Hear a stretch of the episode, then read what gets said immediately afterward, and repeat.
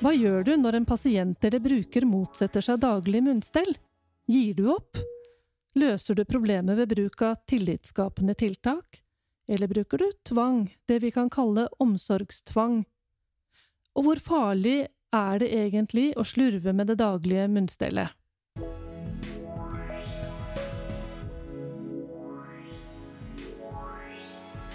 Dette er Veilederpod fra Visma, en podkast for ledere og ansatte i offentlig sektor.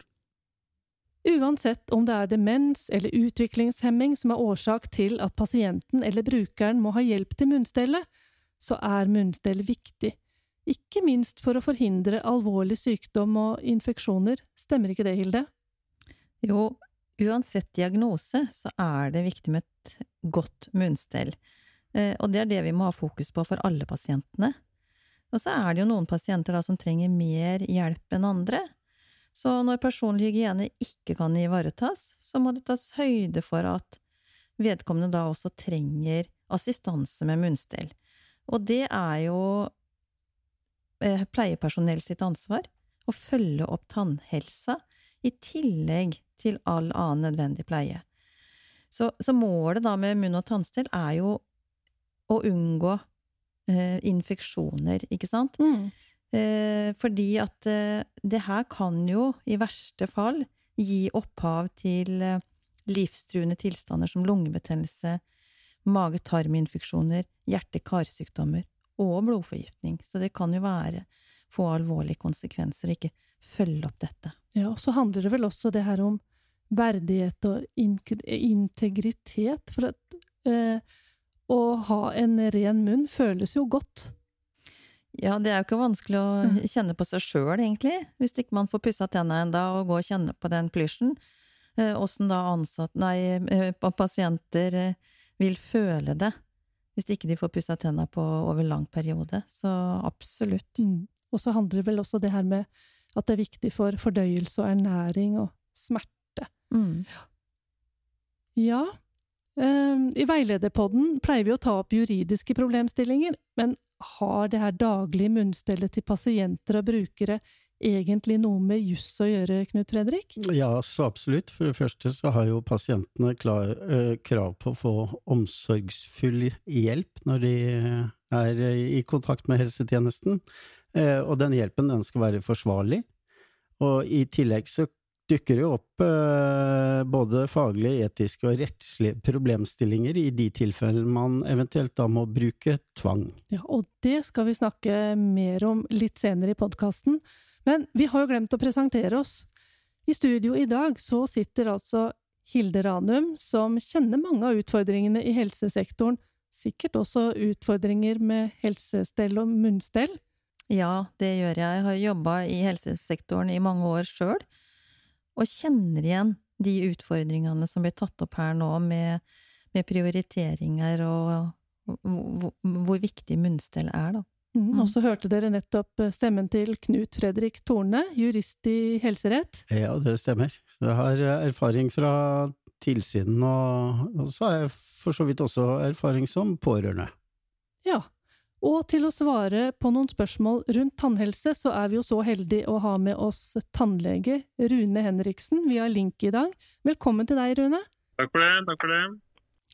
Og så er det jeg som heter Lisbeth Storvik Jacobsen. Jeg skal gjøre mitt beste for å holde i trådene gjennom de ulike temaene vi skal ta opp i dag.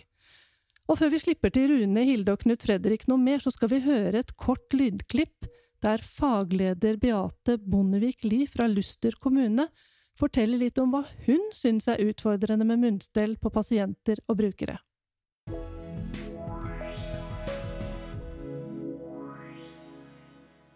Ja, Det som jeg ser, det er jo at det er mye det er en del usikkerhet rundt temaet tannhelse og, og munnstell, tror jeg. Blant annet på en måte, hva er det som er godt nok? Ikke sant? Hvis en ikke, hvis en ikke får til det optimale, som en ofte ikke får, hva, er, hva kan en si er bra nok, f.eks.? Um, ja. Og så uh, det som er på en måte, Jeg tror mange føler det veldig inngripende.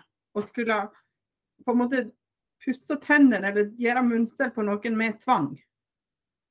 Eh, fordi det er jo en av kroppen, altså det er jo inni kroppen, det er et kroppens hulrom. Pluss at den er kanskje redd for sine egne hender. Men det, det er inngripende hvis en ikke får det til med lyst og lempe.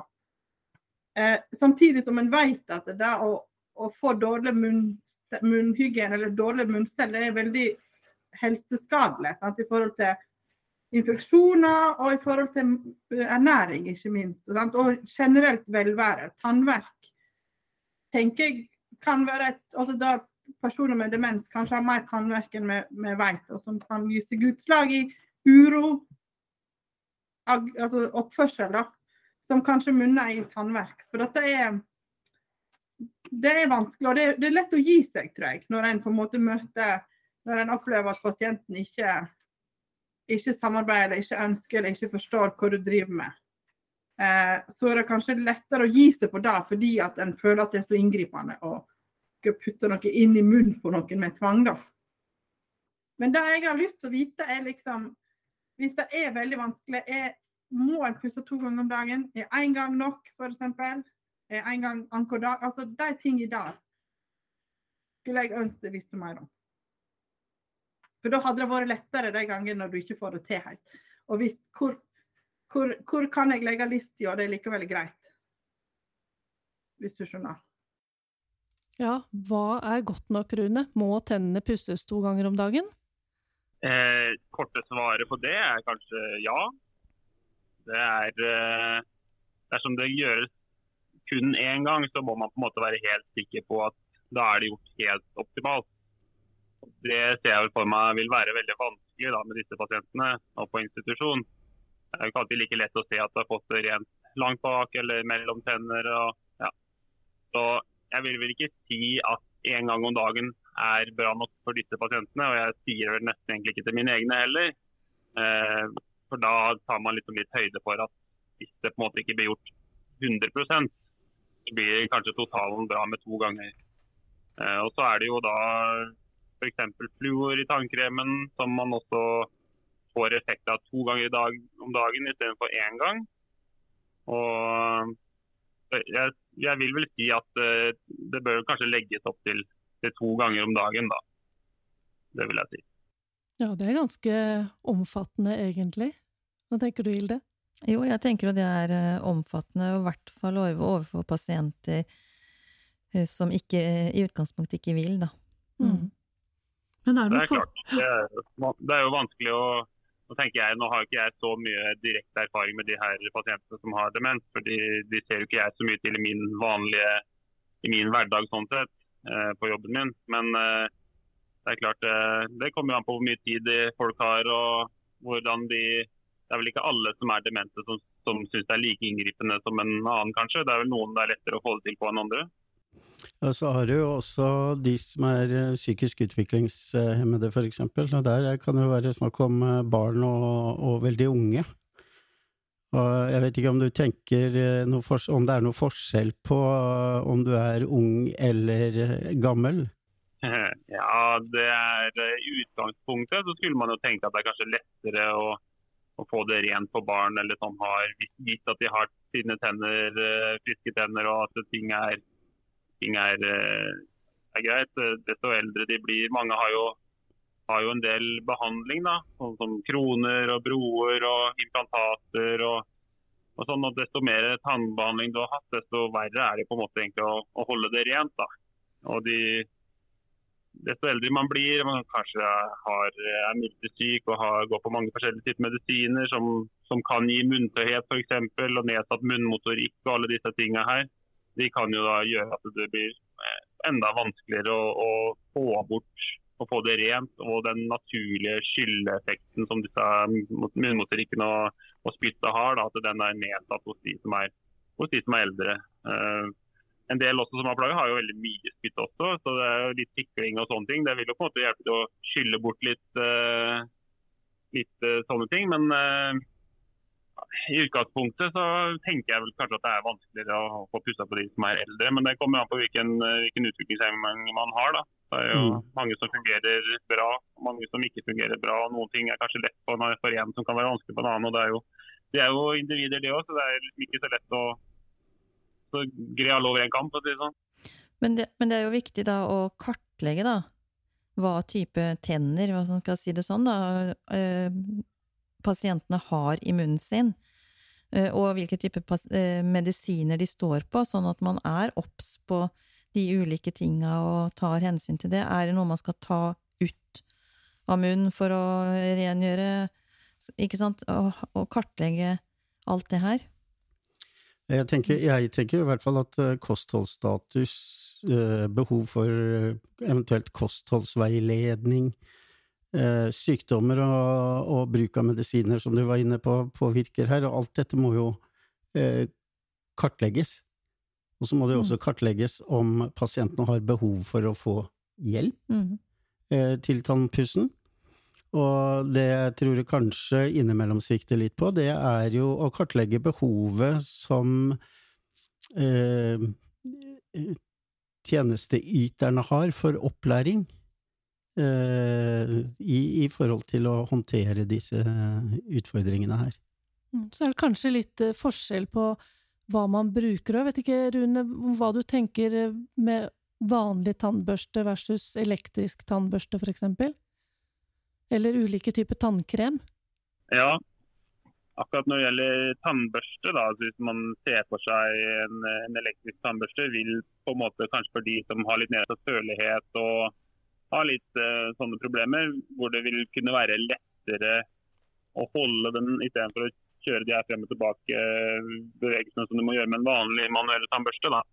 Det, det kan jeg tenke meg kan være for så vidt enklere. og Noen av de har også et mindre pussehode, sånn at det er kanskje lettere å komme til i kriker og kroker. og etter hvert som åra går, så trekker tannkjøttet seg litt ned. Du får kanskje frem litt mellom røttene. De har litt periodontitt, altså tannkjøttsykdom, hvor de har mista litt festede tenner, og du får mer av røttene frem. og Det er flere steder hvor ting kan sette seg, og da vil det kanskje kunne være enklere å komme til da, med en elektrisk tannbørste.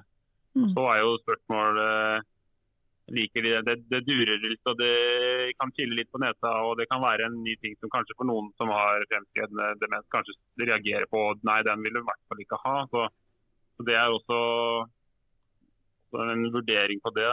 Eh, når det gjelder tannkrem, så i utgangspunktet så tenker jeg de demente pasienter som har en nedsatt uh, altså rengjøring, som ikke klarer å pusse tennene sine så godt sjøl, det er jo risiko for å få både tannkjøttproblemer og karies, da, altså hull i tenna.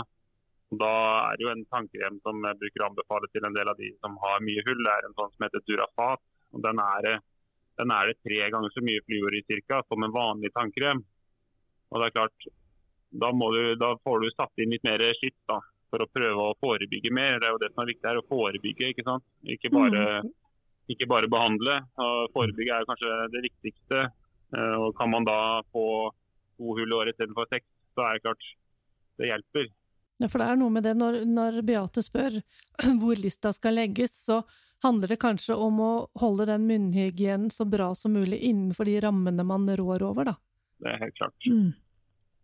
Det er ikke noe, det er ikke noe enkelt. Det, det regner kanskje alle med, at det er ikke noe enkelt svar på hva er bra nok. Det er, det er hva er bra nok for den ene personen og hva er bra nok for den andre personen. Noen kan ha masse plakk, og så har de ikke altså er bakteriebelegg, da, så har de ikke hull. Andre har nesten ikke belegg, men så har de hull likevel. Så det er ikke sånn at fordi en i gangen der har mer plakk enn den andre, så er det ikke garantert at den får noe mer eller tannproblemer heller. Så det, det er veldig vanskelig å vite det, og gi noe godt svar på det. Det er så Mm. rent som mulig, er vel svaret. Ja, ikke sant. Mm. Og vi, vi, det er jo utarbeida en, um, en håndbok i munn- og tannstell, som er et sånt informasjons- og veiledningshefte for ansatte i hjemmetjenesten, som er utarbeidet av Tannhelsetjenestens kompetansesenter i Midt-Norge. Og den kan jo være aktuell å søke opp og få, for den hadde ganske mye detaljerte tips og beskrivelser, hvis ikke lytterne kjenner til den fra før. Mm. Ja, den eh, tenker jeg vil være veldig nyttig i arbeidet med tannhelse hos brukeren. Og så er det det med, med eh, å få en tannpleier som kan komme og gi eh, opplæring og eh, sjekke tannstatus også fra den offentlige tannhelsetjenesten. Mm. Den og muligheten ligger jo der. Den kan vi jo kanskje komme, ta opp litt Ja. igjen etterpå. Men Mm. Hilde, du har snakket med en dame som heter Charlotte Konradsdatter Aronsen. Mm. Og Charlotte er universitetslektor på sykepleierutdanningen ved UiT. Og hun har gjort en studie om munnhelse hos pasienter med demenssykdom på skjermede sykehjemsavdelinger. Og så har hun skrevet en artikkel om at kommunene må ta større ansvar for munnhelsen til pasienter med demens. Mm. Skal vi høre litt på hva dere snakket om? Ja, gjerne det. Eh, Mm. Det var veldig spennende å høre, og fokuset til Charlotte har jo vært munnhelse siden hun kom inn i, i eldreomsorgen, så dette her vil vi gjerne høre på.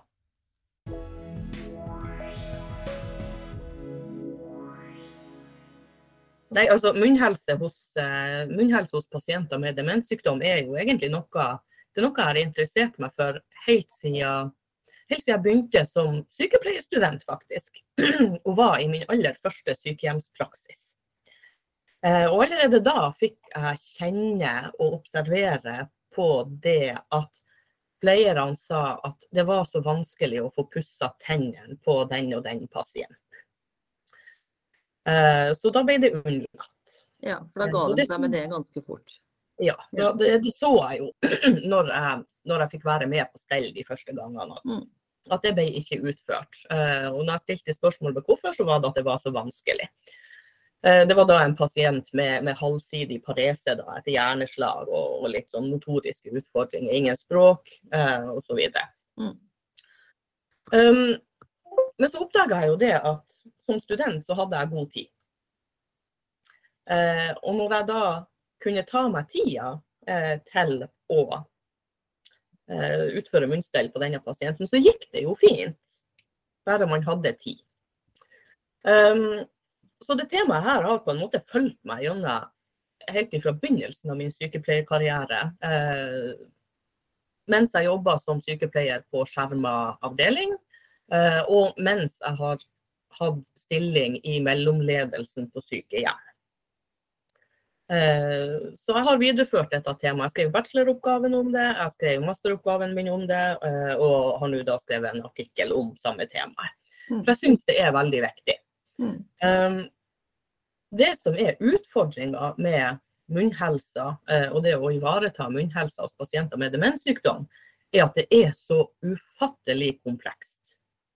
Og man kan fort tenke at det her dreier seg kun om en pasient med demenssykdom, som kanskje motsetter seg det å få stelt munnen sin, pussa tennene. Eh, At det er kun den problematikken. Men det er så veldig mange andre faktorer som spiller inn på det her. Eh, Og det jeg har funnet i, i den studien jeg har gjort, eh, er at det dreier seg både om kunnskap eh, hos sykepleierne. Eh, det dreier seg om holdninger, pleiekultur. Eh, det dreier seg om hvordan kommunehelsetjenesten er styrt, eh, og at vi er veldig påvirka av den, den, den helsetrenden da, som er New Public Management eh, som går på, på effektivitet og, og kostnadsbesparing. Um, det som også eh, en, altså den viktigste faktoren, er kanskje tid. Eh, men tid viser seg med veldig mange ansikter eh, i, i den studien som er utført. Eh, så det handler ikke kun om, om minutter og sekunder, eh, at vi ikke har tid til å gjøre det munnstellet. Eh, men tida eh, som fenomen kan man si, det påvirker sykepleieren i så stor grad. Det studien, Kan, kan det da handle om at fordi man ikke har kompetanse, så tar det lengre tid? Man tilnærmer seg utfordringen på feil måte, eller man vet ikke helt hvordan man skal gjøre det? Det Ja. det som viser seg i studien, er at sant, pasienter med demens de lever jo i en veldig sånn utrygg verden, eh, med bakgrunn i sin hjernesykdom. Så, så har de, altså de får katastrofereaksjoner og ting blir uoversiktlig. Dermed gjør de ofte motstand. Eh, og det er på en måte en, en forståelig reaksjon fra pasienten med demenssykdom, eh, siden munnen er et sånn privat område. Eh, og det er et veldig intimt form for stell. Det studien viser, er at sykepleierne har veldig god kompetanse på hvordan de skal klare å bygge relasjon, en trygg og god relasjon eh, mellom seg selv og pasienten, for å få utført et munnstell. Men det å bygge en relasjon og skape tillit eh, mellom sykepleier og pasienten med demens, det tar tid. Mm. Og der kommer tida inn som en faktor. At man har på en måte ikke tid eh, til å kunne bygge den tilliten for å komme i posisjon til å gjøre et mønster. Um, dette er jo òg noe som pasienten merker eh, indirekte. Eh, og pasienter med demens har kanskje redusert språk, altså redusert forståelse. Um, men jeg bruker å si det at hjertet har ikke demens. Mm. Og følelsene har ikke demens. Og pasientene kan jo føle på om pleierne har dårlig tid eller ikke. Om de, om de er til stede i, i, situasjonen, eller om de har tankene sine på neste stell, som de er nødt til å få gjort før klokka er kvart på åtte. ikke sant? Ja, her hørte vi Charlotte. Hjertet og følelsene har ikke demens, sier Charlotte. Det syns jeg var nydelig sagt. Og da er det kanskje på sin plass å snakke litt om tillitsskapende tiltak, Hilde? Mm. Og Charlotte beskriver jo det her så fint. Hun setter ord på at det er viktig å bli kjent med pasienten. Få en god og trygg relasjon. Og, og først da kan man finne måter å gi helsehjelp på som pasienten er komfortabel med, og ikke motsetter seg, da. Eh, så det er jo kjempeviktig som tillitsskapende tiltak at man gjør seg kjent med pasientene. Det er jo individer, som alle oss andre, sånn i forhold til tilnærminga. Så det er jo ikke å finne én måte å tilnærme seg pasienter med demens på, og tenke at det funka på alle. Så her er det noe med å finne gode tillitsskapende tiltak. Mm. Og Rune, i stad så snakka jo du om eh, hva som eh, er hva skal jeg si, bra tannstell, og hva som er eh, lista sånn generelt. Men når du hører det Charlotte sier her, eh, er det noe vi kan si for å, å, si, gi støtte for at det kanskje ikke behøver å være to ganger om dagen på syke pasienter? Eller? Ja, det, det må man jo Altså det er litt vanskelig for meg å, å si helt sånn direkte, men det er klart vi vi snakka om i stad helt generelt, men uh, på de her så er, er jo forståelse for at det, det, er kanskje ikke, det er ikke mulig å få til. da. Uh, men uh, klart, desto bedre tid man har den ene gangen i tilfelle, da, desto bedre vil det jo, vil jo bli den gangen man pusser. Hvis, hvis det er målet er på en måte å få gjort det så godt som mulig én gang i løpet av dagen. da så er det klart det med å få en relasjon med den som kommer inn og skal gjøre stellet, det har jo selvfølgelig veldig mye å si. Eh, og så er det vel hvor, hvor, mange forskjellige pleiere er det som kommer inn til en pasient i løpet av en uke f.eks. Det vil være forskjell fra både på kompetanse og kjemi mellom klart Er det tolv forskjellige stykker som pusser tennene, så kan jo det kanskje være en en vanskelig sak med at det er én som får det til, eller to som får det til, og to som ikke får det til. Eh, så er det med tida, selvfølgelig. da, Hvor, hvor lang tid de har, og, og, holdningen til det som skal gjøre det også, selvfølgelig. Knut Fredrik, ja, du hadde noe ja, her, her, tenker jeg at det som eh, Charlotte sier, det vil jo også gjelde for psykisk utviklingshemmede. Stort sett alt hun sier er gjenkjennbart i forhold til den eh, pasientgruppen.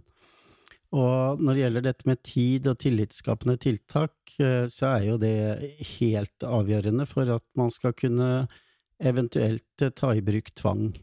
Da skal tillitsskapende tiltak eh, ha vært forsøkt. Og tid, ja, det er en utfordring. Ja, det ser jeg jo, men eh, Hilde, hadde du noen mer kommentarer eh, i forhold til det her nå? Du spurte jo, jeg vet jo du spurte Charlotte om hun hadde noen teknikker på lur for å gjøre munnstell enklere? Ja, jeg tenker jo det alltid er godt å høre hva andre har mm. erfart, mm. hvordan de får det til, for det gir jo læring til uh, oss andre. Og det er jo viktig at pleierne snakker sammen og forsøker å hjelpe hverandre uh, når noen strever da med å få utført uh, munnstell, og det er jo litt sånn som Rune sier at det er mange ulike pleiere inne hos pasientene. Det må man da kanskje prøve å begrense. Eh, men at man snakker sammen, lager gode pleieplaner, forteller om tiltak som fungerer hos den pasienten. Eh, gode råd og nyttige tips ikke sant, til hverandre, og det skal stå i journal, og det skal være sånn at det blir fulgt opp på en god måte. Mm. Eh, sånn at man kan lære av hverandre. Da hører vi litt på Charlotte. Alle pasientene er like ulike så, som oss. Mm. Pasientene med demenssykdom. Så det, det må jo gjøres på ulike måter. Um, og forskning viser jo også um, at det er mange teknikker man kan ta i bruk for å få utført munnstell på pasienter med demens. Um, Har du noen gode eksempler der? Ja, du, altså speiling. Um, at du viser pasienten med en tannbørste. Pusse dine egne tenner, f.eks. At pasienten har en egen tannbørste. Så da får pasienten en bedre forståelse av hva som skal skje i den situasjonen. Mm. Du kan stå bak pasienten og pusse tennene bak, ifra, bak pasienten. Eh, For det blir ikke så truende at du på en måte står foran pasienten eh, og skal på en måte inn i munnen. Så det kan oppleves mindre truende for Mm. pasienten. Mm. Så det kan være gode eksempler. Um, også det å faktisk ha um, et, en finger i, i kinn på pasienten. Og det er noe som kan, det kan se veldig inngripende ut når man gjør det. Men hvis du f.eks. tar lillefingeren din og så inn på sida av, av eh, munnen til pasienten, eh, da er du utafor tennene, så du, du står ikke i fare for å bli bitt sjøl eh, om pasienten skulle, skulle gjøre motstand. Men om du da drar ut kinn bitte litt, så får du mye bedre rom å jobbe på eh, for tannbørsten. Du får bedre oversikt. Det ser verre ut enn det er. For, for pasienten så får du ikke den, eh, den her beveger, altså den tannbørstebevegelsen merkes ikke like godt i munnen. Ikke Mm. sant? Så det, det føles bedre for pasienten. Ja, det sa Charlotte. Er noen av dere som har noen kommentarer til de ulike te teknikkene her? Nei, ikke noe annet enn at eh, jeg også har eh, både sett og hørt om tilsvarende teknikker da brukt på pasienter med psykisk utviklingshemming, med, med, og det har vært vellykka. Så det her er jo absolutt noe man bør tenke på. Og så har vi jo den håndboka i munn- og tannstell som du nevnte i stad, Lisbeth, hvor det også er en del sånn tips og råd på hvordan man kan gjøre det. Som er eh, tilsvarende som eh, Charlotte sier. Eh, Selv om hun sier at du skal stå bak, og håndboka sier at du skal stå ved siden av, så er det noe med å prøve ut ulike teknikker, da. Ja, Mm. for det er vel det det handler om her. Mm. At man må, finne, man må ha en bank med litt ulike teknikker, og noe passer for en, og noe Mm. passer for en annen. Mm. Ja, Rune, hva tenker du? Jo, det var vel en del gode tips der. Det som også kan prøve, det er at hvis man ser i speilet sammen, f.eks., så kan man at uh, pleieren kan at, at pasienten sjøl har tannbørsten i hånda, og så kan man på en måte prøve å styre den sammen. For eksempel. da føler kanskje pasienten at det er den selv som egentlig gjør det, bare at man blir, man blir bare styrt litt, altså håndleda litt. Grann. Eh, Det kunne være en mulighet. Eh, Så kommer det selvfølgelig an på at du nekter om å ta tannbørsten i munnen, så jo, er det jo selvfølgelig vanskelig. Men hvis man kommer liksom dit, så, så kan jo det være en, eh, et alternativ også. Nå har ikke jeg lest den håndboken så, så godt, men det er mulig at det står der òg. Men det når de sier å ta lillefingeren et eller annet og ta ut kinnet litt, det er veldig greit. Da får du mye bedre oversikt bakover. Der kan det være veldig stor forskjell på folk. Noen har en veldig liten munnåpning og føler at tennene sitter veldig langt bak. At det kan være vanskelig å se. og Andre kan man dra litt mer i. Um, så kunne man eventuelt hatt en, om ikke bruker lillefingeren, så et lite sånn tannlegespeil eller en sånn f.eks. eksempel en sånn ispinne som kanskje legen har for å dytte ned tunga. Kan man på en måte bruke det også hvis man ikke vil ta fingeren inn, for å si det sånn. Da. Så kan, er det også kanskje en mulighet. da. Altså Her eh, tenker jeg også at det er veldig viktig at dere som er helsepersonell her ute, når dere, når dere får til ting og lykkes med tillitsskapende tiltak, at dere husker på å journalføre det. Og så er det også, eh, vil jeg minne dere om, basert på erfaringer fra tilsyn, at det er like viktig å journalføre tiltak dere forsøker som ikke fungerer, sånn at ikke det nestemann som kommer gjør akkurat det samme, men kanskje prøver da noe annet. Det var lurt. Vi har ett bitte lite klipp til med Charlotte før vi går videre. Skal vi ta det? Ja, gjerne det. Har du noen gode eksempler på eh, ting du gjorde når du var leder for å få mer fokus på det for ansatte? Eh, det jeg gjorde eh, når jeg satt som mellomleder, da, eh, det var at jeg tok kontakt. fikk i gang et samarbeid med tannpleieren som hadde ansvaret for vårt sykehjem. da. Men jeg da fikk henne til å komme for å ha internundervisning på alle avdelinger. Og allerede der så, så begynner Så er det litt problemer. For ikke sant, man går turnus. Man når ikke alle pleierne. Eh, man får ikke internundervisninga ut til alle sammen. Eh, så man får den gruppa som er på jobb der og da. Eh, så er man jo avhengig av at de videreformidler Mm. det de lærer, de teknikkene de lærer av tannpleien. Det må jo de videreformidle til resten av personalgruppa på den avdelinga. Mm. Mm. Eh, og det har de jo sjelden tid til, eh, å kunne ja, undervise hverandre. Um, det jeg merka i den forbindelse, var at eh, det var veldig stor ulikhet på avdelingen eh, der tannpleieren var og snakka om munnhelse eh, og viktigheten av det eh, i forhold til holdninger. Mm. Mm. Eh, mange har veldig gode holdninger til å eh, forsøke å få utført munnhelse, nei, munnstell, eh, mens noen var veldig negative. Og du får med en gang den der Nei, men det går ikke. Mm. Sånn som den pasienten der, det går ikke. Mm. Så veldig komplekst det der. Eh, og kanskje her, og, det, og da kommer man inn på pleiekultur. Mm. Hva har fått utvikla seg på ei sykehjemsavdeling over tid eh, i forhold til holdninger til munnstell og munnhelse? Her handler det tydeligvis ikke bare om tid, men også holdninger og prioriteringer, Hilde. Mm. Ja, det handler om hele pakka. Mm. Hvilke fokus har ledelsen, hvordan legger de til rette for at ansatte har tid? Har de jevnlig besøk av tannpleier som gir opplæring, eh, og tips og råd, og så videre? Så det Mm. Men både Beate og Charlotte har jo nevnt her at munnen er et privat og intimt område på kroppen vår, og at det kan oppleves både ubehagelig og inngripende at noen andre skal pusse tenner og stelle inni munnen vår.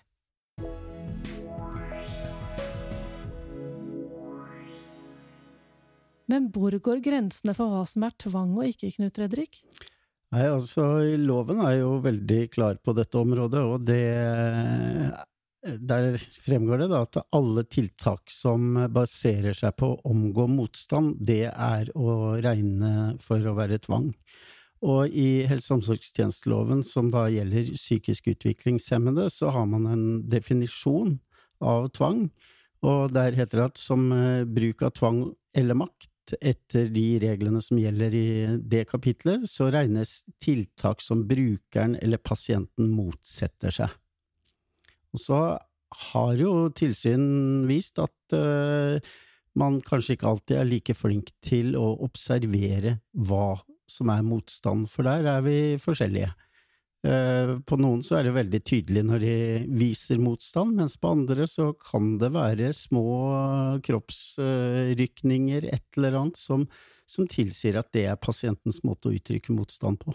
Mm. Ja, for det, når vi hørte det aller, aller første klippet i dag, med, med Luster kommune, så, så nevnte jo hun også det der at det var fort ble det en form for tvang ut Mm. av tannstellet. Ja, og det, det, det er jo akkurat det samme som eh, tilsynet har vist, at eh, de ansatte er ikke eh, flinke nok til å, å observere når det faktisk er motstand. Og, men eh, sånn eh, det, det ligger jo et klart og tydelig ansvar hele veien her da, på virksomhetsleder, både i forhold til opplæring og rutiner og prosedyrer. Og alle virksomheter, eh, alle, alle virksomhetsledere skal jo sørge for at det er rutiner som da frem, i dette tilfellet da, fremmer munn- og tannhelse og, hos tjenestemottakerne. Og det betyr jo også at de tjenesteyterne må ha kunnskap Og der hadde jo Charlotte gjort det veldig lurt med å mm, alliere seg med en tannpleier. Mm. Men det er jo i hvert fall helt klart da, at det må, eh, det må en eh, hjemmel i lovverk til før man kan bruke tvang. Så Ja. egentlig er det jo en høy terskel. Ja, det er en, eh, det er en veldig Altså, loven gir veldig strenge føringer på, på dette med bruk av, eh, av tvang. Eh, og et av vilkårene er jo for det første da, at man har prøvd tillitsskapende tiltak, men så er det et absolutt vilkår da, at bruken av tvang skal være til pasientens beste.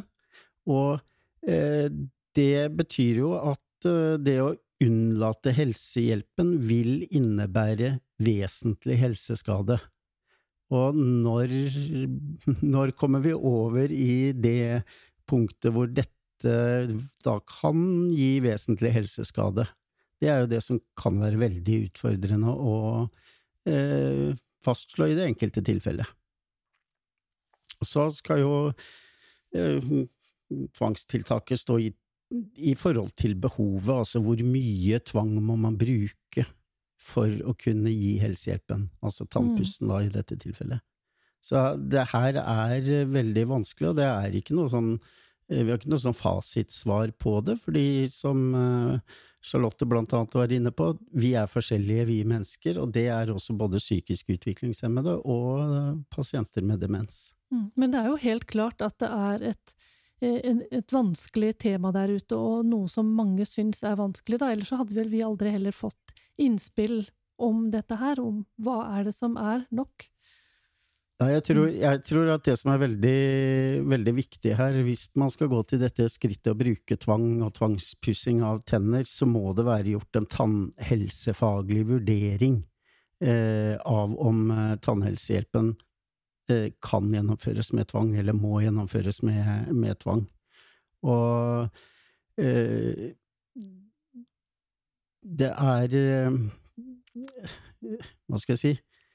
tvang er ikke noe Det er veldig inngripende, det er ikke noe man skal gripe til i første omgang, men samtidig så skal man jo sørge for at pasientene får forsvarlig hjelp. Mm. Men, og man skal jo ikke bare gi opp heller. Man, noe må de jo forsøke å Ja, de må fortsette, og der eh, tror jeg det som eh, flere har vært inne på her i dag, det er jo dette her med tillitsskapende tiltak, hvor viktig det er. For det Mm. tror jeg at eh, man Bruker man tid til å opparbeide seg tillit hos pasientene, at det er ro rundt selve situasjonen, så tror jeg man kan vinne mye på det. Og jeg tror også at eh, på sikt det er en del ting her som kan være tidsbesparende i, i forhold til å, å legge ned litt innsats eh, i, i starten. Men du, du snakka i stad om eh, eh, hjemmel for tvangspussing. Da må, du, må det være vedtak? Ja, det må være vedtak, og, og alle lovens vilkår må være oppfylt før man da går til det skrittet å, å bruke, bruke tvang. Men her vil det jo være forskjell også på eh, pasientene og sykdomsbildet og tilstander de har. Er det pasienter som er fysisk svekket? Det, har de forskjellige eh, livstruende sykdommer, redusert immunforsvar? Alt dette må jo vurderes. og Derfor kan vi ikke gi en sånn oppskrift 'sånn gjør du dette', men det må vurderes individuelt for hver enkelt eh, pasient og i hvert enkelt tilfelle. Og det er der jeg også kanskje tenker at det ville være en liten forskjell på en eh, pasient med demens som er 90 år, og en psykisk utviklingshemmet som er 18, som jo da har behov for å bruke disse tenna i ganske mange år framover. Mm. Så da vil man kanskje vurdere det litt, eh, litt forskjellig, at det er viktigere å få pussa tenna til 18-åringen enn den demente 90-åringen. Men eh, det er ikke noe sånn eh, Det er ikke noe fasitsvar på, på disse tingene. Nei. Det, jeg skjønner at dette her er egentlig et, ø, veldig vanskelig, og jeg vet ikke om vi har kommet noen nærmere. Forhåpentligvis har Nei. vi fått gitt noen tips. Ja, vi har gitt noen tips. Jeg har bare Mm. ting til også. Mm. Det er jo eh, for- For at man skal bruke tvang, da, så må jo pasientene være, mm, være ikke samtykkekompetente. Fordi jeg som samtykkekompetent, jeg kan si det at nei, jeg skal ikke pusse tennene mine. Jeg vil ikke pusse tennene mine, og da kan det eh, da, da er det ikke hjemmel i lovverket for å bruke tvang. Uh, så jeg kan gå et år uten å pusse tennene mine, uten at helsetjenesten da kan på en måte gripe inn med bruk av tvang. Forutsetningen for å kunne bruke tvang er at pasientene ikke er samtykkekompetente. Men når det gjelder psykisk utviklingshemmede, så har vi da bestemmelser om bruk av tvang og makt i helse- og omsorgstjenesteloven. Og, og der eh, er, man, er, det hjemmel for å bruke tvang også i omsorgsøyemed, da, for å si det sånn. Eh, og der er det, vil jeg, dere som jobber i, med denne pasientgruppen, så vil jeg absolutt anbefale en veileder som heter Gode helse- og omsorgstjenester til personer med utviklingshemming. Der er et eget kapittel eh, som tar for seg dette med tann- og munnhygiene til denne brukergruppen. Og her legger man jo tydelig ansvar på virksomhetsleder, både i forhold til dette med rutiner og opplæring og sånn som, som, vi snakket om. Så um, den bør man absolutt ta en titt på. Der er mye, mye tips å få, og som Hilde var inne på tidligere her, viktigheten av kartlegging. Og når det gjelder da psykisk utviklingshemmede, og så er det klart at dette med å snakke med pårørende som da har uh, hatt pasientene siden de var små, kanskje de har noen tips og triks til hvordan man kan uh, løse dette. Så mm. det kan være absolutt uh, gode grunner og behov for å bruke tvang, men skal man gå til det skrittet å bruke tvang, så skal det være fatta vedtak, og alle lovens vilkår skal være oppfylt. Den var veldig klar og tydelig fra deg, Knut Fredrik. Er det ditt eh, Hva skal jeg si Det du sender med ut i verden videre her nå? Ja. Ja. Rune, da? Har du et råd du kan uh, gi til de som hører på, bare for å oppsummere litt noe av det du har sagt tidligere? Tenker du på da i hovedsak de, de demente, eller tenker du da litt sånn generelt på psykisk utviklingshemmede også, eller? Jeg tenker litt sånn hva du tenker, hvis det er noe som skal sitte igjen av det som uh, du har sagt, og som gjelder den gruppen her, for det er jo det som handler om munnstell mm. på uh, demente og psykisk utviklingshemmede som mm. vi har snakka om.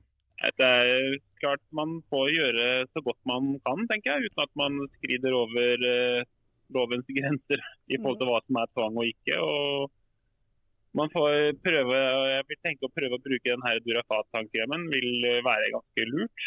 Eh, det burde nesten bare være generelt man bruker den. fordi at den Fluor det, det, forebygger hull, og det, det, gjør at man kan få mindre hull i tenna. Og det er klart Da kan jo ting av de tenna de har, vare, vare lengre, for å si det sånn, og mindre mindre smerter. Og så får man jo den mekaniske pustinga selvfølgelig, for å få bort eh, belegg og plakk og sånn, som hjelper mot, uh, mot tannkjøttsykdom og, og, disse tingene her. da. Uh, klart Får man inn en tannpleier som kan kartlegge litt og, og, gi noen enkle tips til den enkelte pasient, og selvfølgelig vil jo det være kjempebra hvis man har ressurser og muligheter til det.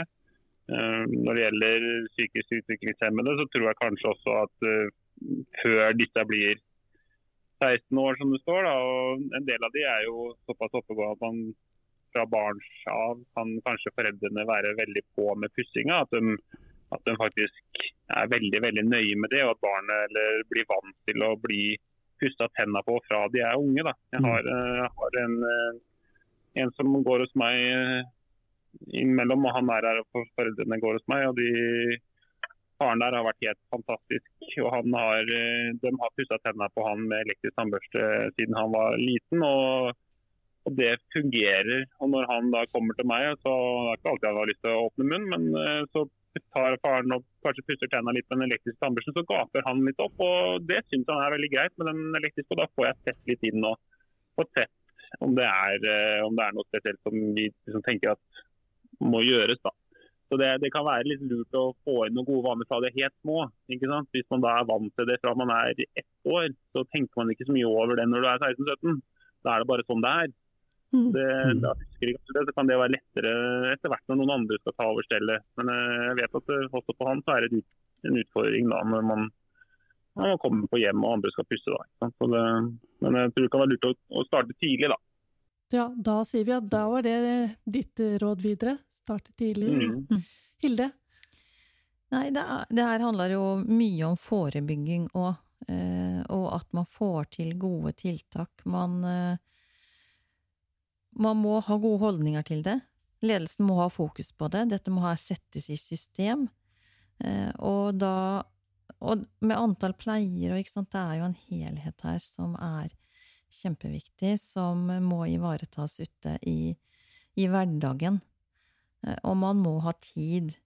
Det er ikke noe som skal hete at man ikke har tid, tenker jeg, til å drive gode forebyggende tiltak for å unngå alvorlig helseskade på sikt det, da tenker jeg at da driver vi med omsorgssvikt. Så her må det legges til rette for.